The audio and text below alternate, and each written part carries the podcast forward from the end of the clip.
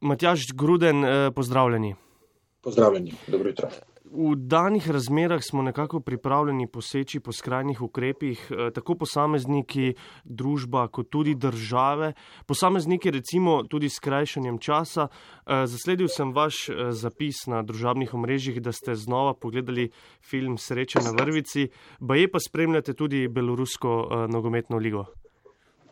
Ja, to, uh, in prvo, in drugo uh, je bilo bolj za hec. Tako da beloruske lige se tudi odsotnosti druge hitro naveličaš, me skrbi. Uh, srečo na vrvici sem se pa pridružil svoji družini, ki jo je začela gledati, potem sem jih pa vse prepodil, ker sem jim naprej pripovedoval dialoge, tako da na koncu sem jih odgledal sam. Kako pa drugače poteka zdaj življenje v Strasburu, ki je sicer ena izmed evropskih prestolnic eh, različnih institucij, so se uradniki razselili nazaj po svojih državah? Odvisno, o kateri instituciji govorimo, zaradi tega, ker pravzaprav stalno domovanje ne, v Strasburu ima samo svet Evrope, medtem ko Evropski parlament je načeloma v Bruslju, v Strasbur pa odhaja, prihaja samo enkrat na mesec uh, na zasedanja in so se zdaj pred nekaj tedni odločili, da bodo do septembra vsa plenarna zasedanja ki zdaj tako in tako poteka nadaljavo, se odvijala v Bruslu. Eh, kar se pa sveta, sveta Evrope tiče, Evropskega sodišča, ki je del sveta Evrope, smo pa vsi ostali seveda tukaj, ker imamo tukaj službene obveznosti in tudi, če tukaj ni naša domovina, je tukaj vse naš začasni dom. Kako pa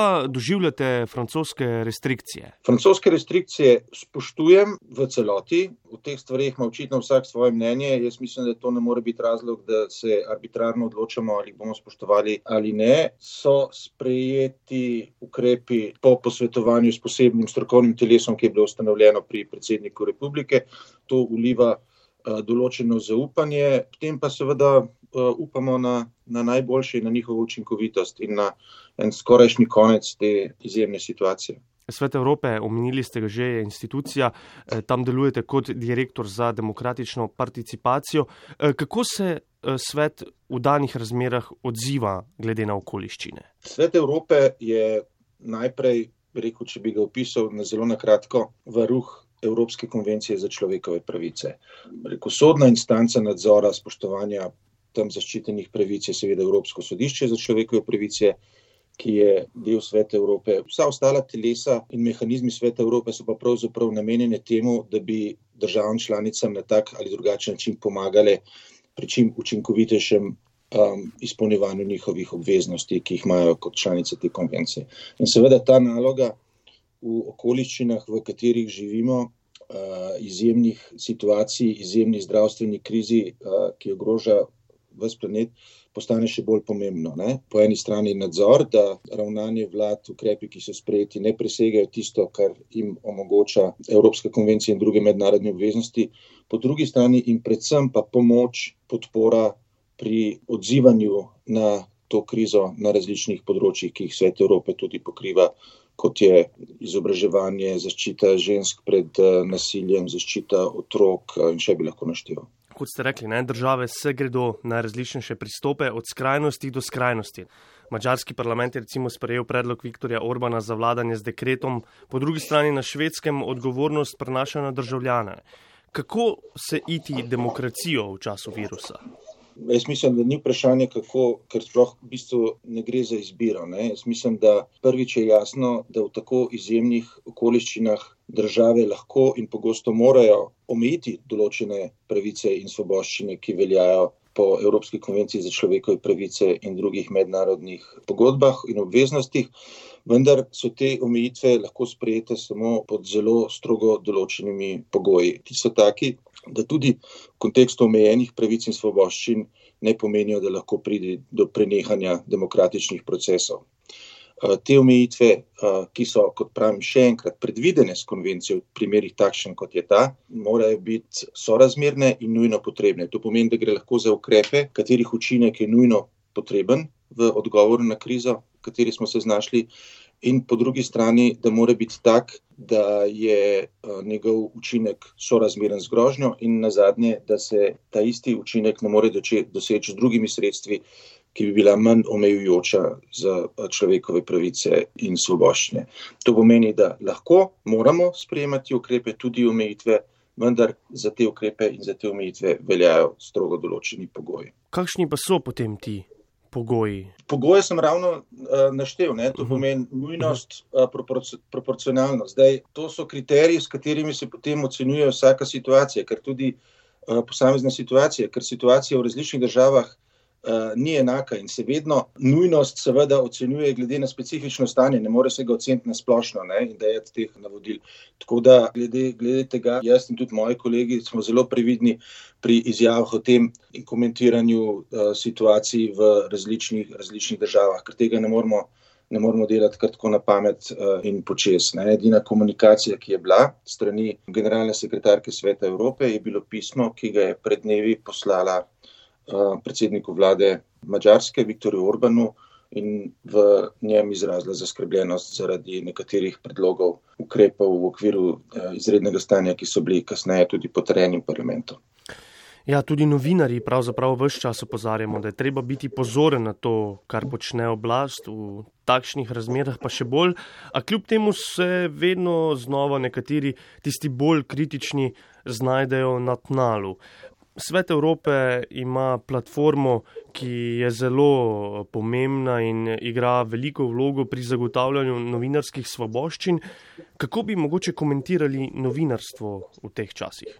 Najprej bi uh, samo pojasnil, platforma je v bistvu skupni projekt Sveta Evrope in uh, večine vodilnih svetovnih in evropskih civilno-družbenih organizacij, stanovskih organizacij, novinarjev in tisti, ki zagovarjajo svobodo izražanja in neodvisnost medijev in tem civilno-družbenim organizacijam omogoča, da preko te platforme Svet Evrope opozorijo na uh, grožnje in zaskrbljenost, ki jih imajo v uh, določenih primerjih. To pomeni, da ko pride do objave na tej platformi, ne gre za uh, zaskrbljenost prijave teh organizacij, ne pa nujno tudi za stališča uh, Sveta Evrope. Pa res, seveda, da smo v zadnjih tednih dobili kar nekaj prijav, ki se nanašajo na omejitve ali pa ukrepe ali pa ravnanja, ki so povezana z to krizo. Odgovoril bi tako v situaciji, kot je takšna informacija in tudi kritična mnenja niso manj pomembna, ampak so lahko še bolj pomembna zaradi tega, ker so del procesa, ki nam omogoča, da na demokratičen način sprejemamo odločitve, ki so lahko najbolj utemeljene, najbolj primerne, najbolj sprejete, uživajo največje zaupanje in vsem tem tudi so lahko najbolj učinkovite, da dosežejo svoj učinek in ob tem ne ogrožajo demokratičnih procesov, ampak jih lahko na kljub nekaterim omejitvam tudi krepijo. In v tej situaciji je seveda pomen delovanja medijev, vloge medijev, informiranja še toliko bolj pomemben. Poleg tega vojne eh, se še vedno niso ustavile, begunci in imigranti še vedno prihajajo na grške otoke, ki se pa lahko spremenijo v humanitarno katastrofo ogromnih razsežnosti, če se tam razširi koronavirus. Že prej smo govorili o različnih skrajnih ukrepih držav na udaru, so nedvomno tudi človekove pravice pri iskanju azila.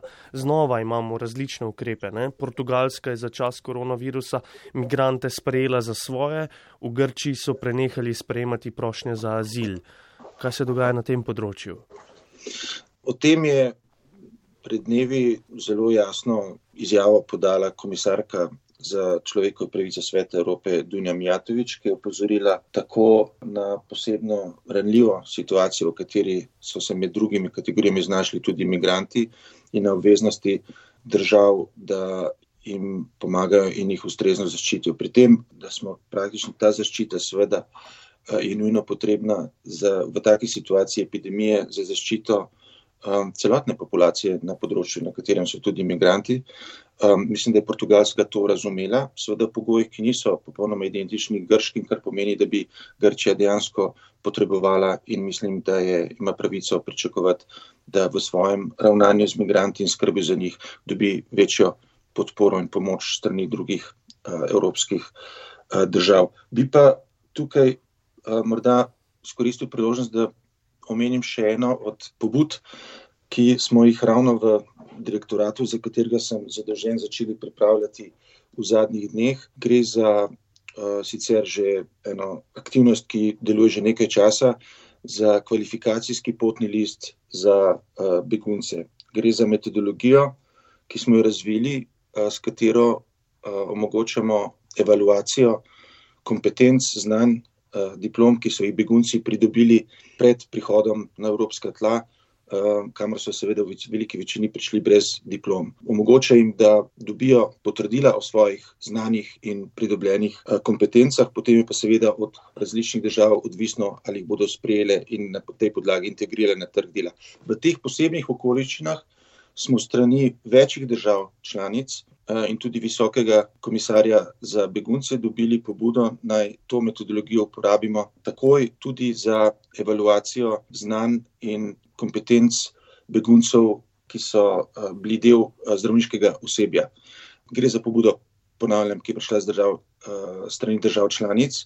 Mi bomo to v naslednjih dneh organizirali nadaljavo in upamo, da bomo lahko kar precejšnje število teh beguncem izdali, preverili njihova znanja in na tej podlagi izdali potrdila, ki bi potem državam članicam omogočila, da po njihovi odločitvi, da jih integrirajo v zdravstveni odgovor, v, v, v zdravstveno osebe in tako um, olajšajo pritiske, pod katerimi se, so se znašli uh, zdravniki in medicinsko osebje v njihovih državah. Zdaj v teh časih um, je zagotovo veliko bolj kot kadarkoli na preizkušnji tudi socialna država. Mogoče se še samo vaš pogled na javno in zasebno zdravstvo, šolstvo, kako gledate na to? Zelo težko je dati ene take generalne pavšalne odgovore, še posebej v takih trenutkih krize, da ne bi izpadlo, da skušamo eno stisko, krizo, grožno izkoriščati za argumentacijo teh ali onih stališč. Mislim pa, da ne glede na to jasno, da bi se iz te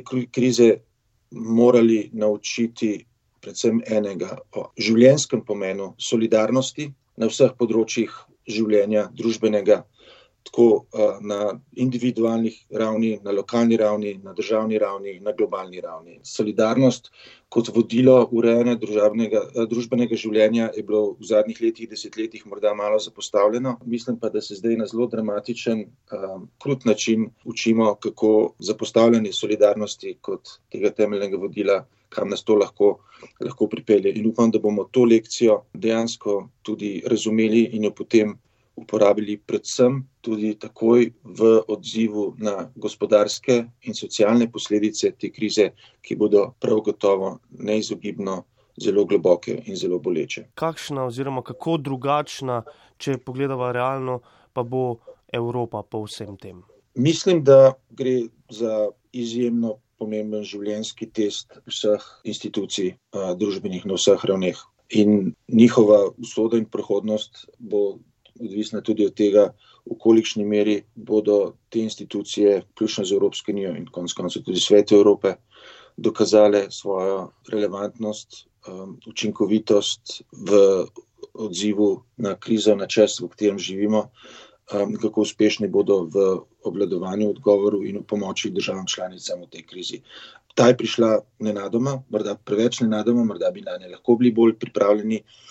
Na začetku smo se mislim, da vsi tudi malo lovili in se še vedno nekateri, ampak um, najpomembnejši uh, obdobje je morda še vedno pred nami. Jaz uh, verjamem, da in vidim tudi, da Evropska unija preve, prevzema vse večjo vlogo v organizaciji skupnega odgovora, ker brez tega skupnega odgovora te krize in njenih posledic ne bomo uspeli rešiti.